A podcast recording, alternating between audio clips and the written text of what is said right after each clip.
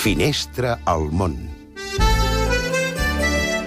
Avui comencem a Roma. Eduard Rubió, buonasera. Buonasera, Elisa. El ministre de Cultura, Dario Franceschini, ha dit sí al projecte per la reconstrucció de l'arena dels gladiadors en el Colosseu de Roma. Es tracta de tornar-li a donar la seva antiga estructura de circ, cobrint, com a l'antiguitat, els soterranis amb una superfície de fusta i amb sorra a sobre, de manera que l'amfiteatre Flavi pugui tornar a ser un escenari circular viu, on els visitants puguin apreciar les graderies que l'envolten des de l'arena i es pugui també representar al Colosseu qualsevol tipus d'espectacles. Els soterranis, un laberint actualment al descobert, podrien ser habilitats per a un museu i continuar-hi els treballs arqueològics.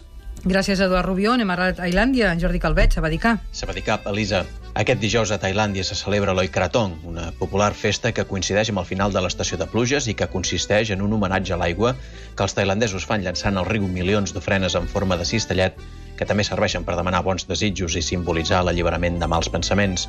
Al nord del país l'ofrena es fa amb un fanalet de paper d'arròs que s'enlaira com un globus impulsat per una espelma encesa. Aquesta setmana, a Chiang Mai, la segona ciutat del país, cada nit se'n llancen milers en un espectacular efecte de llumetes voladores que s'ha acabat convertint en un dels reclams turístics de la regió, però també en font de maldecaps per les autoritats que aquest any, per motius de seguretat, han hagut d'anul·lar un centenar de vols de l'aeroport local on l'any passat un miler d'aquests fanals van caure encesos a la pista un cop l'espelma s'havia consumit.